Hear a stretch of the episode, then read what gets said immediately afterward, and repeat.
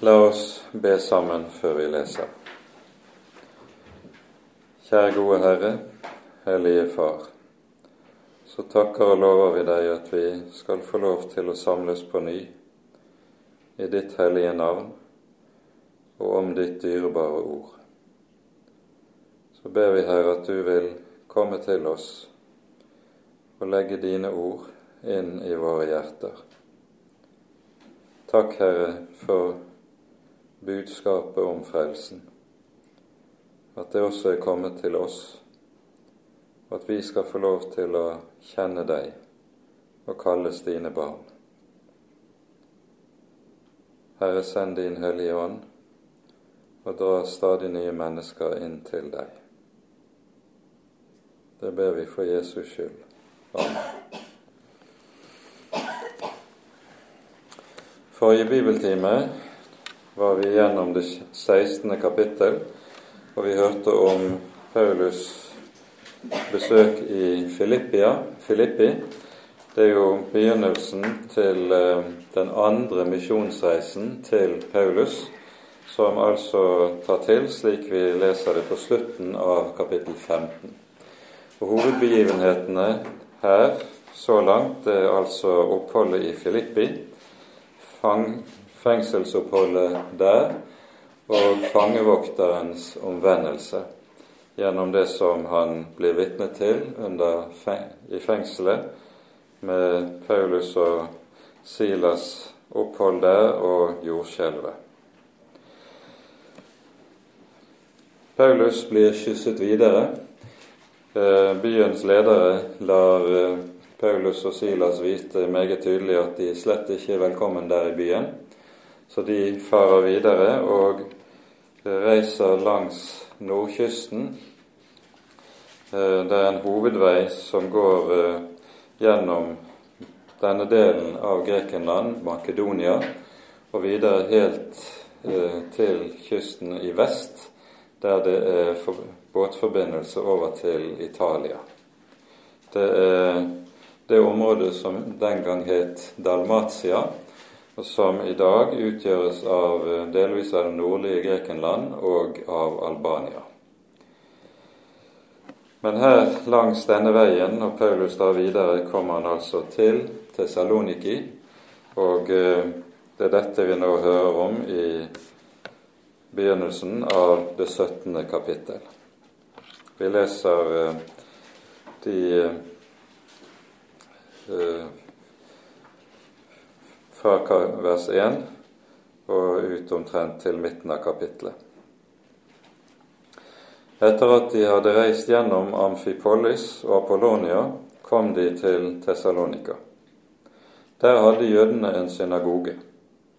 Paulus gikk inn i den, slik han pleide å gjøre, og tre sabbatsdager samtalte han med dem ut fra Skriftene. Han la ut for dem og viste at Messias måtte lide og stå opp fra de døde, og han sa, Den Jesus som jeg forkynner dere, han er Messias. Noen av dem ble overbevist og sluttet seg til Paulus og Silas. Det gjorde også en stor mengde av de grekere som dyrket Gud, og ikke få av de fornemste kvinner. Men jødene ble da egget til nidkjærhet. De fikk med seg noen onde menn som gikk og drev på torget og laget et oppløp som satte byen i røre. Så trengte de frem mot Jasons hus og lette etter dem for å føre dem frem for folket. Men da de ikke fant dem, slepte de med seg Jason og noen av brødrene til bydommerne og ropte:" Disse som oppvigler hele verden, er også kommet hit. Jason hadde tatt imot dem. Alle handler de stikk imot keiserens bud og sier at en annen, en som heter Jesus, er konge.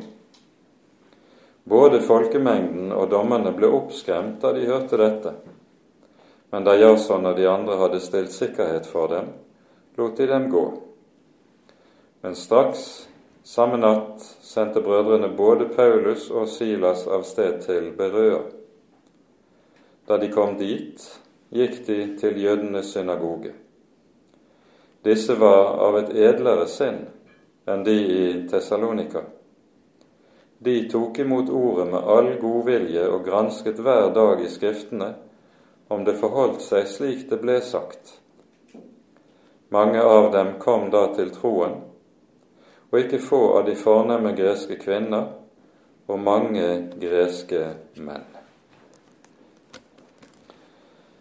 Her hører vi hvordan Paulus altså ankommer til Tessalonika, som var en meget viktig by i eh, provinsen Makedonia.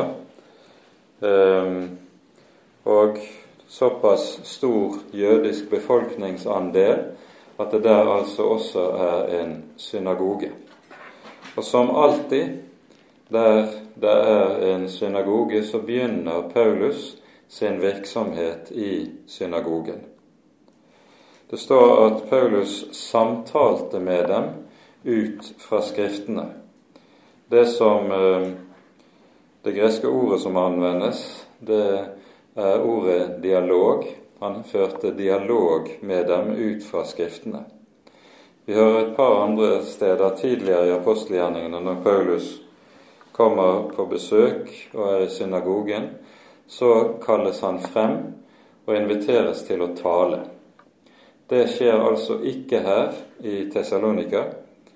I stedet blir det slik at han møter opp og får samtaler med de tilstedeværende. Og Disse samtalene går da, hører vi, over tre sabbatsdager.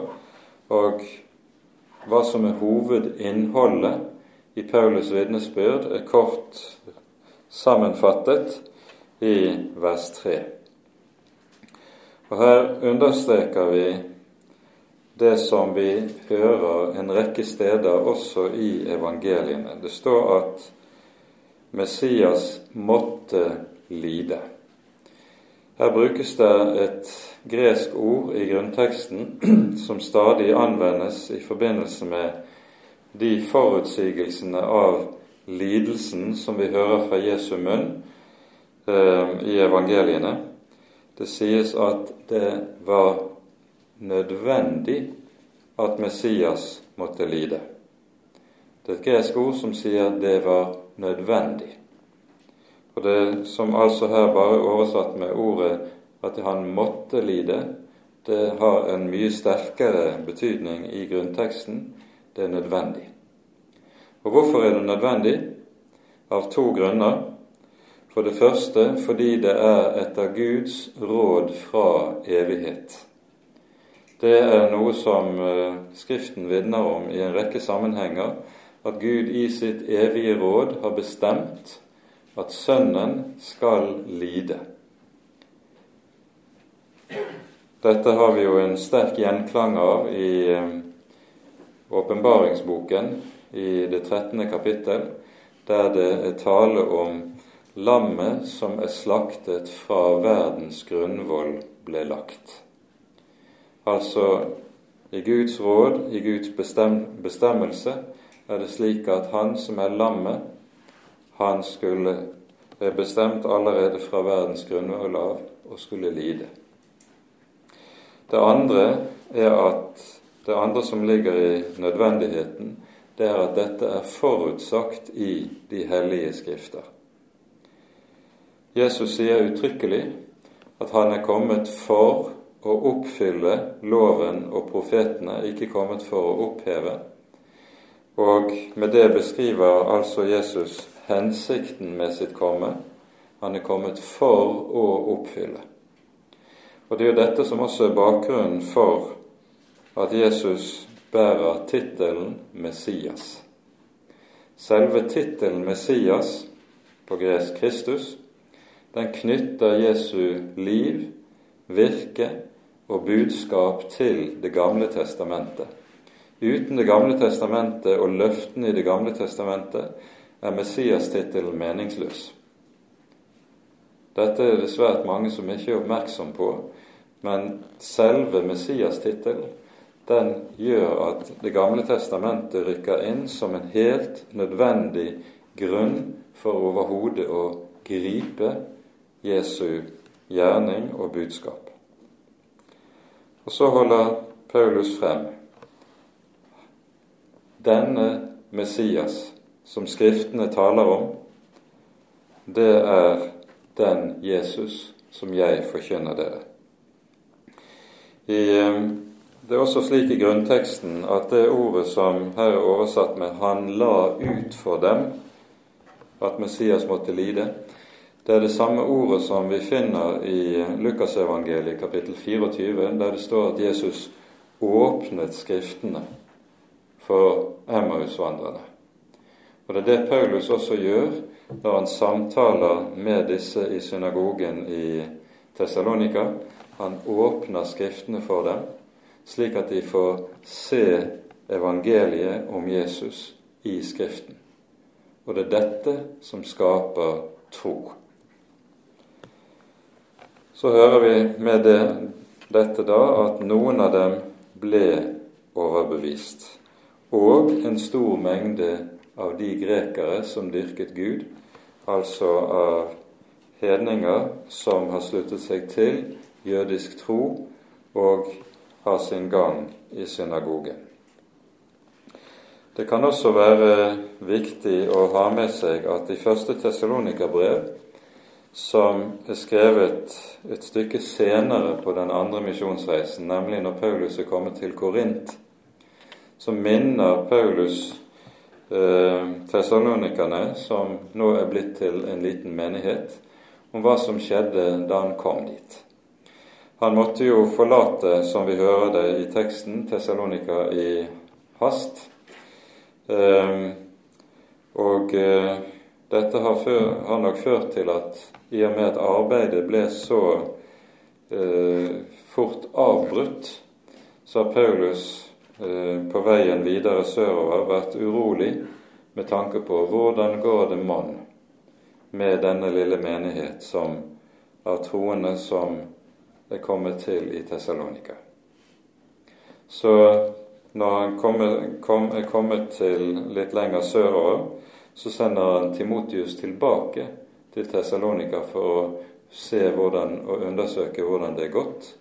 Og når Timoteus kommer tilbake, og kan fortelle oppmuntrende til Paulus at menigheten styrkes og vokser, og til og med er blitt en menighet der eh, vitnesbyrdet om Jesus lyder utover hele eh, omkretsen rundt byen, så blir Paulus meget oppmuntret av det han slik får høre i rapporten fra Timotius. Og så skriver Paulus i 1. Tessalonika-brev kapittel 2 fra vers 9. Dere minnes, brødre, hvordan vi slet og strevet mens vi arbeidet natt og dag for ikke å ligge noen av dere til byrde, forkynte vi Guds evangelium for dere.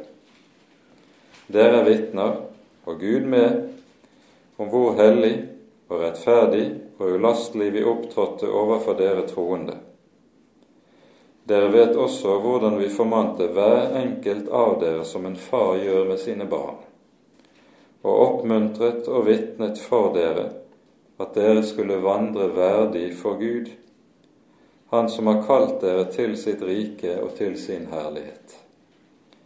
Derfor takker vi også alltid Gud for dette. Da dere fikk det ordet som vi forkynte, tok dere imot det ikke som et menneskeord, men som det det i sannhet er, som et Guds ord som virker med kraft i dere som tror. Slik skriver Paulus som et lite resymé av sitt virke til menigheten i Tessaloniki, og dette jo, utfyller jo ganske sterkt det bildet vi får av Paulus virke som berettes for oss i apostlenes gjerninger. Og Det som jo tydelig er helt sentralt, det er sluttordet i vers 13. Dere det, da dere fikk det ord vi forkynte, tok dere imot det, ikke som et menneskeord, men som et Guds ord, som viser seg virksomt. For det er nettopp dette akkurat som vi hører om uh, disse disiplene som vandret mot Emmaus og opplever at Jesus kommer og åpner Skriftene for dem, så sier de brente ikke våre hjerter i oss da han talte med oss på veien og opplot Skriftene. Slik er det at Skriftene opplot, også for dem i Tessaloniki. Så skapes det overbevisning, det skapes tro, for ordet er virksomt når det lukkes opp. Så skjer det også her. Det blir et oppløp og en pøbel som sørger for oppstand imot evangelieforkynnelsen, og Paulus må dra videre. Og det blir her som ellers at det at det bryter ut motstand og forfølgelse mot evangeliet, det fører bare til at evangeliet spres videre. Dette ser vi første, første gang når eh, forfølgelsen bryter ut i Jerusalem. Der står det om at de troende spres omkring i hele landet omkring og forkynner budskapet om den Herre Jesus. Sånn at forfølgelsen virker til at ordet lyder videre. Så også her. Og så ankommer Paulus Berøa. Det er en mindre by, men er også der en synagoge Ehm, og her hører vi om at disse tok var av et edlere sinn. Det betyr at det var ingen tilsvarende motvilje mot og anstøt overfor evangeliet i Berøa. I stedet lytter de og tar seg tid til å granske Skriftene. Eh, dette er jo gjerne blitt noe av et forbilde, og særlig i den engelsktalende verden så hører vi ofte tale om det som kalles for berua-kristne. Berua-kristne er nettopp slike som gransker Skriftene. Tar seg tid og bruker tiden nettopp til dette. Her brukes det et viktig ord Eh, i grunnteksten, som vi også hører i Johannesevangeliets femte kapittel, der Jesus sier til fariseerne dere ransaker Skriftene fordi dere tenker at i dem har dere evige liv, og dere skjønner ikke at det er de som vitner om meg.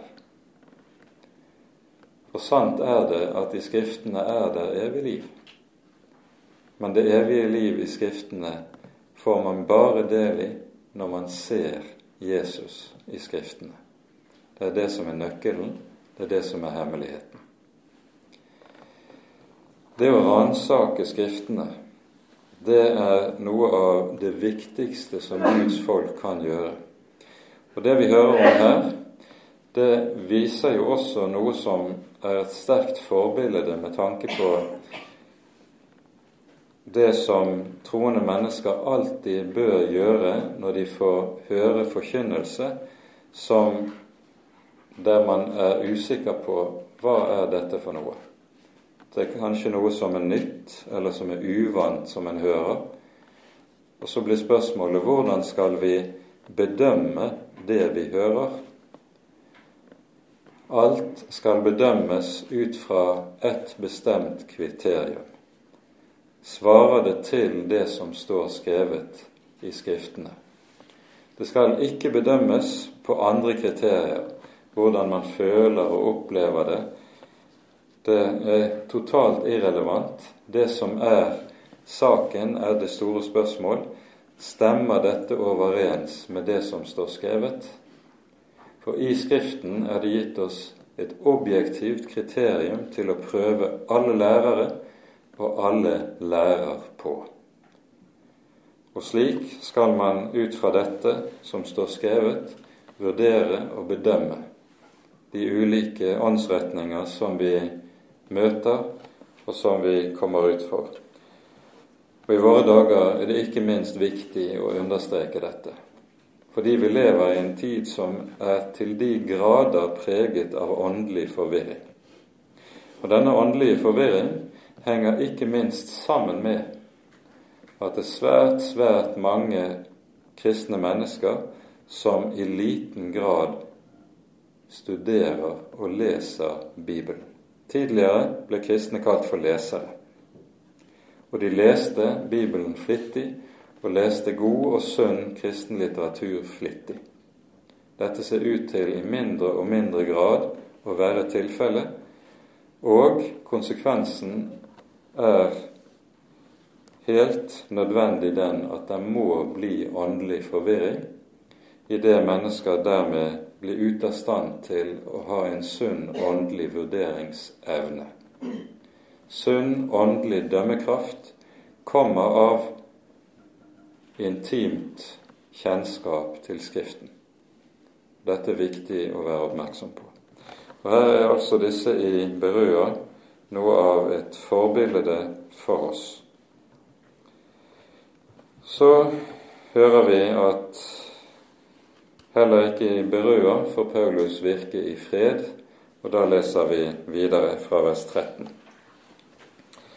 Da jødene i Tessalonika fikk vite at Guds ord ble forkynt av Paulus også i Berøa, kom de dit og hisset opp folket der òg.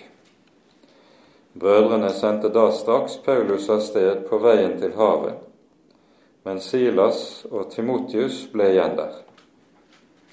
De som fulgte med Paulus, førte ham til Aten. Da de dro tilbake, hadde de med seg bud til Silas og Timotius at de måtte komme til ham så fort som mulig. Mens nå Paulus ventet på dem i Aten, ble han opprørt i sin ånd da han så at byen var full av avgudsbilder. I synagogen samtalte han med jødene og dem som dyrket Gud, og på torget samtalte han hver dag med dem han traff på. Så kommer Paulus til Aten. Vi hører det er noen av disse troende fra Berua som følger Paulus. Antagelig er det sånn at Paulus her tar sjøveien. De følger ham til havet. Paulus får båtleilighet og kommer via sjøveien til Aten. Aten var på denne tid redusert til å bli en ganske ubetydelig by. Historikere mener at på denne tiden var det ikke mer enn en vel 5000 innbyggere i byen. Eh, og både politisk og økonomisk hadde byen fullstendig mistet sin betydning. Dette hang sammen med den romerske erobringen av Grekenland, og at eh, atenerne under de romerske borgerkrigene i 80-40 år før Kristus konsekvent valgte feil side i disse borgerkrigene. De var alltid på den tapende parten. Sånn at romerne straffet atenerne ganske hardt. Og det som ble hovedbyen i provinsen Akaya, var ikke Aten, men det ble Korint som vokste og blomstret og ble en stor og meget betydelig by på denne tiden. Aten var redusert både politisk og økonomisk til å bli en meget ubetydelig by. Byens betydning var på denne tiden mest symbolsk. Symbolsk som sentrum for gresk dannelse og gresk kultur. Den var byen dit filosofene søkte hen og dit filosofene gjerne ville være. Men for øvrig hadde byen null betydning. Dette ser vi også senere i kirkehistorien, at Aten som by har svært liten betydning rent kirkehistorisk. Men her kommer, ankommer altså Paulus, og vi hører at han begynner med å gi seg i samtale, både med de som søker synagogen, og på torget. Og dette at Paulus begynner å samtale med folk på torget, det er noe vi ikke har hørt tidligere i Paulus' virke. Men dette var nettopp en del av det som var kulturen i Aten. Det var på torget filosofene samlet seg, av de ulike filosofiske retningene. Her samlet de seg for å diskutere ulike filosofiske temata. Og eh, det kunne være en ganske eh, livlig meningsutveksling som foregikk eh, i den sammenhengen på torget. Så vi hører Paulus også kommer dit på torget og eh, samtaler. Og så leser vi i vers 18. Noen av de epikureiske og stoiske filosofer ga seg i ordskifte med ham, og noen sa:" Hva er det vel denne ordgyteren har å si? Andre sa han synes å være en som forkynner utenlandske guddommer. Det var fordi han forkynte evangeliet om Jesus og oppstandelsen. Disse to filosofiske retningene som her omtales, nemlig epikureerne og stoikerne, det var de to filosofiske hovedretningene i datiden. Epikureerne har navn etter en gresk filosof som het Epikur, som levet fra 341 til 270 før Kristus. Og Epikureerne hadde det vi kunne kalle for en materialistisk filosofi. De trodde ikke på noe liv etter dette. De eh, trodde knapt på gudene. Det var det du kanskje kunne kalle for en agnostisk filosofi. De sa at hvis det i det hele tatt finnes guder, så er gudene ikke interessert i denne verden overhodet. De lever et helt annet sted og driver med sine ting. Så i, det var deres holdning til religionen. Og de tenkte som så at fordi eh, det ikke er noe liv etter dette, så er målet med livet at mennesket skal ha mest mulig nytelse av livet her og nå. Grip dagen. Carpe diem var noe av et stikkord for uh, disse. Og så hadde du da to hovedretninger i dette.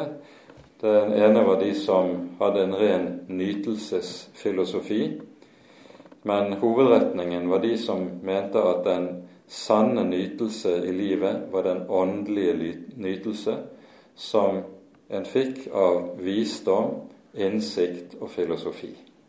Så det var den høyere epikureiske visdom som ble lært av disse. Stoikerne de nedstammet fra en filosof som kom fra eh, Kreta og het Zenon og var samtidig med Epikur. Disse var ikke De hadde en annen holdning til det som hadde med det religiøse å gjøre. De var panteister. Dvs. Si, de lærte at Sefs ikke var en gud som tronet på Olympen, like som Odin var sjef i Valhall, men Sefs var verdensånden verdensfornuften som gjennomstrømmet alt det. De hadde en, altså en rent panteistisk tenkning, og de lærte at når mennesket dør, så blir det ikke borte, slik som epikurerene lærte, men da smelter menneskesjelen sammen med verdens alte. Det er altså beslektet med indisk religion, som lærer dette har læren om Atman og Brahman, der verdensånden og menneskeånden en dag skal smelte sammen og bli ett. Det er noe av samme tankegang du finner i dette. Stoikerne har navnet etter det som heter stoa. Eh, stoa er det greske navnet på en søylehall, og de holdt til i en bestemt søylehall i Aten. Der hadde de sin undervisning, sine diskusjoner og sin lære. Og deres høyeste ideal, det var dyden. Dyden mennesket skulle leve et dydig liv og vise måtehold på alle områder. Enhver form for utskeielse eller overdrivelse var motbydelig i stoikernes øyne. Og så er det altså disse møter Paulus og hører noe nytt. Og så hører vi de sier om Paulus hva er det når denne ordgyteren har å si? De bruker et eget ord om eh, på grunnteksten som eh, har vært kalt for atensk sleng. Det er en slags filosofenes sleng. Det, ordet er betegnelse på en type eh, mannfolk som har plukket opp en og annen filosofisk idé som man egentlig ikke forstår stort av, og som snakker i det vide og det brede om dette og later som man har greie på tingene. Det er en ordgyter. Eh, så er det, og det er antagelig epikureerne som bruker denne hedersbetegnelsen på Paulus. Og så har du de andre som sier han synes å være en som forkynner utenlandske guddommer. Det var fordi han forkynte evangeliet om Jesus og oppstandelsen. Da er dette formulert sånn i grunnteksten at det høres ut som Jesus er en gud, og oppstandelsen er en annen guddom. Eh, og Dette har antagelig vært stoikerne som da har oppfattet Paulus sånn, og tydeligvis har forstått svært lite av hva Paulus har fremholdt. Og så er det de tar seg fore, de ønsker å høre mer om hva denne mannen har å bære frem. Vi leser fra vers 19.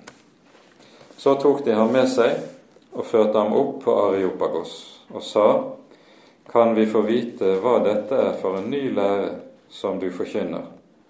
For underlige ting bringer du oss for øre. Vi vil derfor gjerne vite hva dette skal bety. Alle atenerne og de fremmede som oppholdt seg der, ga seg ikke tid til annet enn å fortelle og å høre nytt. Så sto da Paulus frem midt på Areopagos og sa:" Atenske menn, jeg ser at dere på alle måter er meget religiøse. For da jeg gikk omkring og så på deres helligdommer, fant jeg et alter med denne innskrift For en ukjent Gud. Det som dere altså dyrker uten å kjenne det, forkynner jeg dere. Gud, Han som skapte verden og alt som i den er, Han som er herre over himmel og jord, han bor ikke i templer som er bygget med hender. Heller ikke lar han seg tjene av menneskehender som om han trenger til noe for det er Han selv som gir alle ting liv og ånde og alle ting. Han lot alle folkeslag av ett blod bo over hele jorderiket, og han satte faste tider for dem og bestemte grensene mellom deres bosteder. Dette gjorde han for at de skulle søke Gud, om de kanskje kunne føle ham og finne ham enda han ikke er langt borte fra en eneste av oss. For i ham er det vi lever og rører oss og er til, som også noen av deres egne diktere har sagt, for vi er også hans slekt. Da vi nå altså er Guds ett, bør vi ikke tenke slik at guddommen er lik gull eller sølv eller stein, et bilde formet av menneskelig kunst eller tanke. Etter at Gud har båret over med uvitenhetens tider, befaler han nå at alle mennesker, alle steder, at de skal omvende seg. For han har fastsatt en dag da han skal dømme verden med rettferdighet. Dette skjer ved den mann som han har utvalgt til det etter at han har gitt fullgodt bevis for alle ved å reise ham opp fra de døde. Da de hørte om de dødes oppstandelse, spottet noen, men andre sa, Vi vil høre deg tale om dette igjen. Paulus gikk så fra dem, men det var noen som sluttet seg til ham og kom til tro. Blant dem var Dionysios, en av Areopagos-dommerne, og en kvinne som het Damaris, og noen andre med dem. Det som sies her i vers 32, da de hørte om de dødes oppstandelse, spottet noen, innebærer antagelig at Paulus' tale blir avbrutt.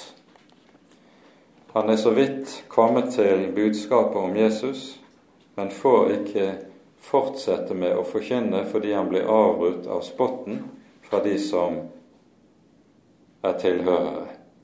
Så Paulus får ikke fullført talen sin. Det skal, er viktig å være oppmerksom på. Denne Areopagos-talen det er en tale som har viet nytestamentlere og forskningen meget eh, oppmerksomhet. Det er skrevet bøker, hele bøker, bare om denne talen, om hvordan denne skal forstås. Det viser noe av den interessen talen har vakt. Og Det henger jo ikke minst sammen med at denne talen er meget særegen i forhold til alle de andre talene vi hører i apostlenes gjerninger. Og Det særegne med talen, det er jo flere ting. For det første har det med adressatene å gjøre. Sammen med det vi hører i kapittel 14 i Lystra, der Paulus og Barnabas holder på å bli tilbedt som om de var guder, og så avbryter de disse som vil tilbe dem, med å si at vi er ikke guder, Gud bor i himmelen, og osv. Så, så er de ordene som sies der i kapittel 14, sammen med Areopagos-talen, det eneste som er rettet direkte til hedninger, som er fullstendig fremmede for Guds ord, ikke kjenner den bibelske åpenbaring. Av denne grunn ser vi her ingen henvisning til Det gamle testamentet, til Skriftene, for det ville vært meningsløst for tilhørerne. De ville ikke forstå hva Paulus talte om. Likevel så er alt som sies i talen, det er gjennomvevet av det som Det gamle testamentet lærer oss om hvem Gud er. Og Det første som vi kanskje skal si når det gjelder dette, det er å sitere noen kjente ord fra Pascal, som sier Gud er ikke filosofenes Gud, men Abrahams, Isaks og Jakobs Gud. Gud er en personlig Gud, ikke en upersonlig guddom høyt oppe og langt borte, som menneskene kan spekulere rundt, men ikke komme inn i et personforhold til. Og det er den personlige, levende Gud som Paulus her forkynner. Da skal vi i parentes legge merke til at når uttrykket 'den levende Gud' anvendes i Bibelen, dere vil huske at dette er et uttrykk som anvendes i en rekke sammenhenger, i, både i Det gamle testamentet og flere steder også i Det nye. Så er det et uttrykk som alltid anvendes om Bibelens Gud, Israels Gud, i motsetning til avgudene som er døde guder, som er intetheter, som ikke verken kan gjøre noe, si noe eller er har realitet. Det Paulus gjør, det er at han forkynner den levende Gud, selv om dette uttrykket ikke anvendes her i talen slik vi hører det. Talen er slik at Paulus så å si med måten han ordlegger på, seg på, viser at han i høy grad har del i sin samtids greske dannelse. Antagelig er det sånn at Paulus, mens han vokste opp i Tarsus, som jo var en gresk by, har også gått i gresk skolevesen og lært seg en god del av det som kjennetegner gresk kultur. Og talen bærer tydelig preg av at han også her er fortrolig med det som er vanlig talekunst innenfor den greske kulturen. Han begynner talen med å adressere sine tilhørere, atenske menn. Jeg ser at dere på alle måter er meget religiøse.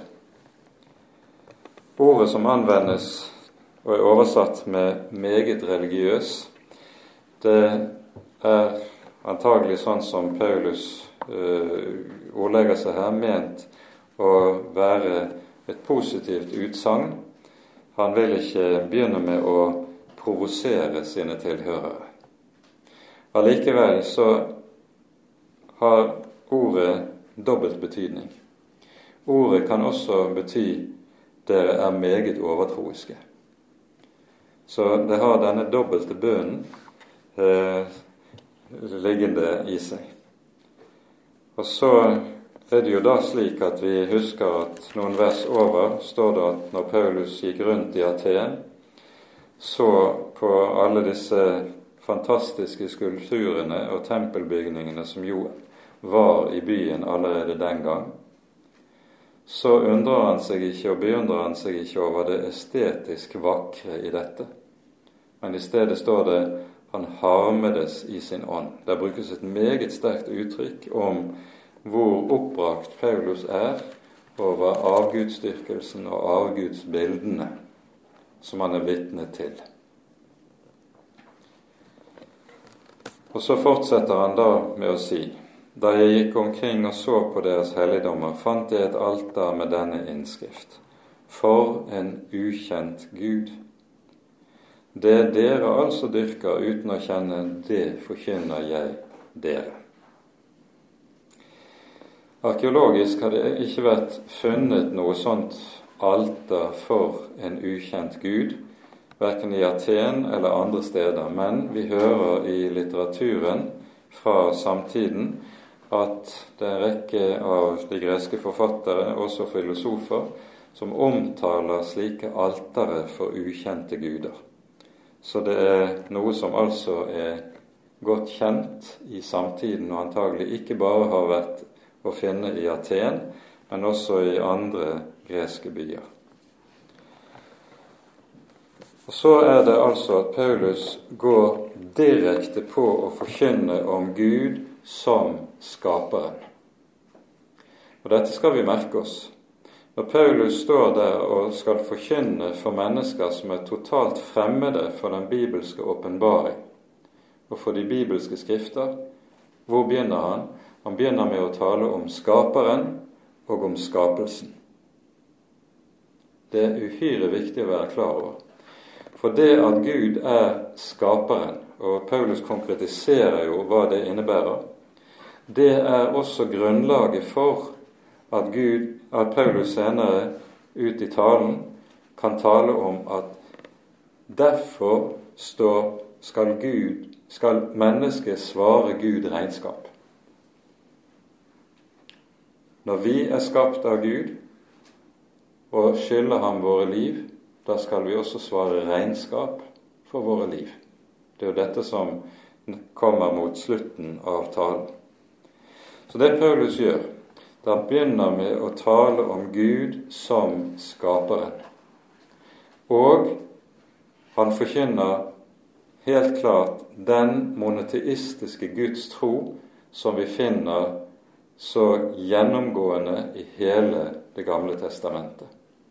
Men Paulus bruker samtidig et språk som grekerne er fortrolige med. Han bruker ikke Det gamle testamentets språk, men det er Det gamle testamentets budskap kledd i gresk språk. Det ser vi tydelig f.eks. i vers 24. Gud, Han som skapte verden, står det i våre oversettelser. I grunnteksten står det 'Han som skapte kosmos'. Det er et ord som ikke anvendes veldig ofte i Det nye testamentet. Når det i Det gamle testamentet tales om Gud som den som har skapt alt det, så sies det han er den som har skapt himmel og jord. Uttrykket himmel og jord i Det gamle testamentet det er alltid betegnelse på skaperverket som helhet, universet som helhet. Men den talemåten anvender ikke Paulus her. I stedet anvender han ordet kosmos. Og kosmos i gresk språk, det betyr det ordnede verdensaltet. Verdensaltet slik vi kjenner det, slik det er ordnet, og alt fremtrer som noe som har en ordnende hånd bak seg. I gresk tenkning så fantes det ikke noen forestilling om en allmektig skapergud som sto bak altet. En tenkte seg i stedet at altet var noe som hadde eksistert evig. Det var fra evighet og skulle eksistere til evighet. Slik tenker jo ikke Bibelen. I stedet tenker Bibelen Gud er den som har skapt alle ting. Verden og alt som i den er. Han er herre over himmel og jord. Og han bor ikke i templer som er bygget med hender. Her finner du jo klare ord i Det gamle testamentet som utgjør bakteppet for det Paulus sier. F.eks. når Salomo innvier tempelet i Jerusalem, så hører vi Salomo uttrykkelig sier i første kongebok, eh, åttende kapittel, vi kan godt lese det, vers 27, står det i forbindelse med innvielsesbønnen som Salomo ber her, så sies følgende Men bor da Gud virkelig på jorden? Se, himlenes himler rommer deg ikke. Hvor meget mindre da dette hus som jeg har bygget. Når Salomo taler slik, trass i at Herren har sagt til sitt folk og lovet at han vil bo i dette tempel, så understreker Salomo med det han sier, at is, sånn som Israels Gud har åpenbart seg, så er han noe totalt annet enn hedenskapets mange guder. Som nettopp tenkt, Om den tenkte man nettopp at templene var så å si Eh, huset eller leiligheten der de bodde. Sånn er det ikke med Israels Gud. Han er for veldig i sin allmakt til at han kan begrenses til et hus på det vis. Når han har sagt at han vil være nærværende i tempelet, så er det et løfte som han gitt, som er knyttet til det som skjer i tempelet. Men det er ikke fordi han er begrenset til det. Heller ikke, sies det videre, la han seg tjene av menneskehender som om han trengte til noe. På ny et radikalt angrep på det som var vanlig tenkning i hedenskapet, der man nemlig tenkte som så at menneskenes ofringer til gudene var noe gudene var avhengig av. I noen religiøse tekster så er ofrene nærmest mat som gudene skal fortære, og gudene vil sulte dersom de ikke får denne maten, og så vil de bli vrede på menneskene. Og så er gudene avhengig av menneskenes tjeneste, ofringer og religiøsitet. Sånn er det ikke med Israels Gud. I stedet er det motsatt. Han er kilden. Hos deg er livets kilde. Han er den som gir alle ting liv. Han er den som oppholder alle ting. Og så understrekes det på ny den radikale forskjellen mellom Han som er den levende Gud, og det som tenkes om avgudene. Viktig er det i denne sammenheng og også det som sies i slutten av vers 25, der det står det er Han som selv gir alle liv og ånde og alle ting. Med det sier Paulus at skapelsen er ikke bare noe rent fortidig som skjedde en gang i begynnelsen, men det er noe som skjer stadig.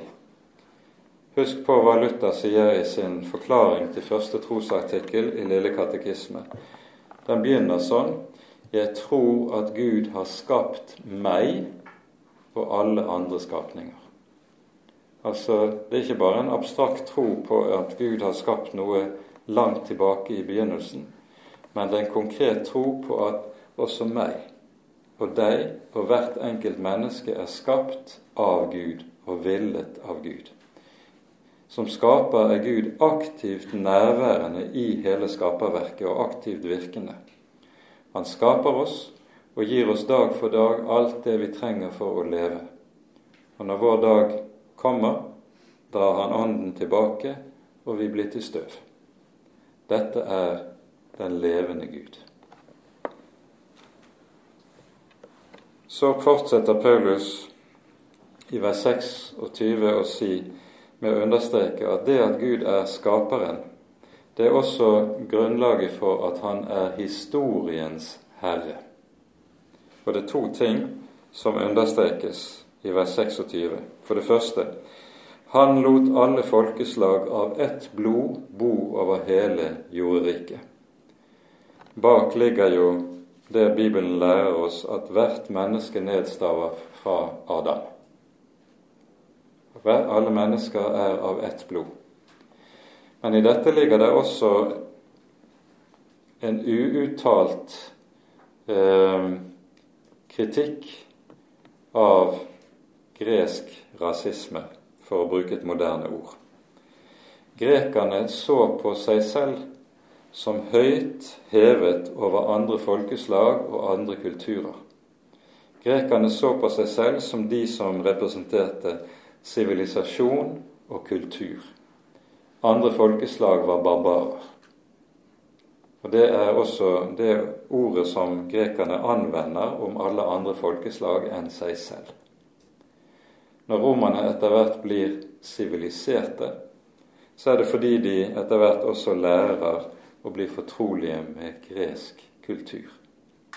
Så det var en veldig sterk selvbevissthet som så ned på andre folkeslag i gresk tenkning. Så når Paulus sier at alle folkeslag er av ett blod, så ligger det altså en underforstått kritikk av dette i det Paulus har å si. Og så lyder det videre Han satte faste tider for dem og bestemte grensene mellom deres bosteder. Det som ligger bak her, det er det ganske særlig det som forkynnes veldig tydelig i Daniels bok, der det fremholdes at Gud er den som gir folkeslagene en bestemt tid i historien, og så, når deres tid er ute, så ruller historien videre. Det, de ulike tider og grenseskjell mellom folkeslagene, det er det Gud som i sin allmakt og i kraft av å være historiens herre, som styrer og råder over. Hvordan Guds hånd råder, det er vi ikke i stand til å kartlegge, men denne tro er helt fundamental i den bibelske Guds tro. Gud er ikke en Gud som har trukket seg tilbake og så å si er overlatt arenaen til andre. Så sies det dette gjorde han for at de skulle søke Gud, om de kanskje kunne føle ham og finne ham, enda han ikke er langt borte fra en eneste av oss. På ny ord som er gjennomvevet av bibelsk skapelsestro. Han lar det regne over gode og onde. Han lar sin sol skinne over rettferdige og urettferdige. Han gjør sin gjerning i skaperverket og tar seg av hvert menneske. For i ham er det vi lever og rører oss og er til, fortsetter apostelen. Og her kunne vi kanskje minne om Salme 139. Forfra og bakfra omgir du meg. Hvor skal jeg rømme fra ditt åsyn? Gud er den levende Gud, og han er den allvitende og allseende Gud. Og så til slutt, vers 29, da vi nå altså er Guds ett, bør vi ikke tenke at guddommen er lik gull eller sølv eller stein, et bilde formet av menneskelig kunst eller tanke. Det er altså motsatt vi er skapt i Guds bilde. Gud er ikke skapt i vårt bilde, slik tilfellet er og saken er i hedenskapets avgudsdyrkelse. Og så når vi kommer til vers 30, så kommer vi til talens vendepunkt. I den første delen av talen frem hit har vi det vi kunne kalle for en apologetisk del av talen, der Paulus holder frem budskapet om hvem Gud er. Nå drar han konsekvensene. Han sier etter at Gud har båret over med uvitenhetens tider, befaler Gud nå alle mennesker alle steder at de skal vende om. Og Legg merke til uttrykksmåten her som Paulus anvender. Han sier ikke nå eh, bør fordi Gud er slik, så bør det kanskje begynne å tenke annerledes. Men han sier det Gud befaler at alle skal vende om. Det er altså noe som så å si ikke står opp til vår vurdering. Gud er Gud, og mennesket er støv for Guds ansikt. Det tilkommer Gud nettopp dette å kunne befale. Han befaler at alle mennesker skal vende om. Det er litt av en omvendelsesforkynnelse, det. For det sier noe om hvilken majestet man har med å gjøre når man har med den levende Gud å gjøre. Man har en, med en majestet å gjøre som en ikke diskuterer med, som en ikke parlamenterer med. Gud befaler fordi han er den eneste som i ordets rette forstand kan befale slik. Han befaler at alle mennesker skal vende om. Her er det ikke tale om at mennesket kan løfte hodet og protestere og si 'jeg er ikke enig med deg'. For her er det ikke tale om hva den ene måtte mene og den andre måtte mene. Gud er Gud, og han har rett til å befale. Dette er lovforkynnelse i et nøtteskall. For når det forkynnes slik, budskapet om omvendelse, da er det loven som forkynnes. I eh, første Tessalonika-brev er det også slik at Paulus i det første kapittel skriver noen ord om hvordan tessalonikerne kom til tro, som ganske eh, nøye svarer til det vi her møter i talen på Areopagos. I slutten av kapittel 1 skriver Paulus eh, eh, De forteller om den inngangen vi fikk hos dere. Det stør, så sies det dere omvendte dere til Gud fra avgudene for å tjene den levende og sanne Gud, og vente på Hans Sønn fra himmelen, Han som Gud reiste opp fra de døde, Jesus, Han som frir oss fra den kommende vrede.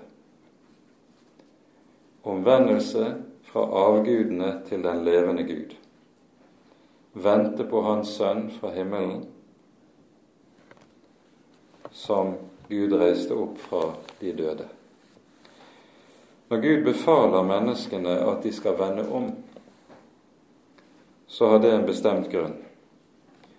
Gud har hatt overbærenhet med menneskenes ugudelighet, synder og urettferdighet i den tid som nå ligger bak. Nå er frelsens tid kommet. Nå kaller Gud alle folk til omvendelse, for han har fastsatt en dag da han skal dømme verden. Vend om, for en dag skal du stå for Guds domstol. Her er det tale om en personlig Gud som krever hvert enkelt menneske til regnskap og sier en dag skal du inn for domstolen. Og så går Paulus videre med å si hvordan dommen skal fullbyrdes. Dette skal skje ved den mann han har utvalgt til det.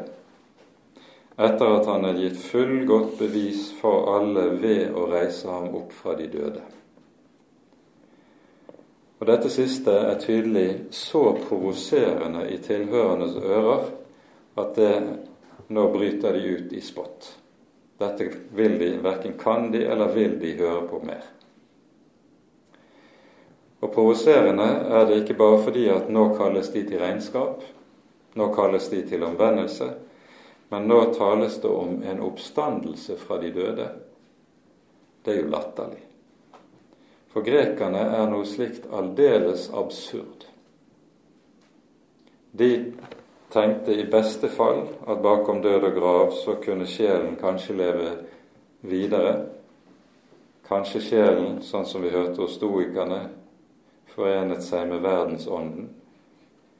Men oppstandelse i denne betydning av ordet, det er noe som er det blanke anstøt for gresk tanke.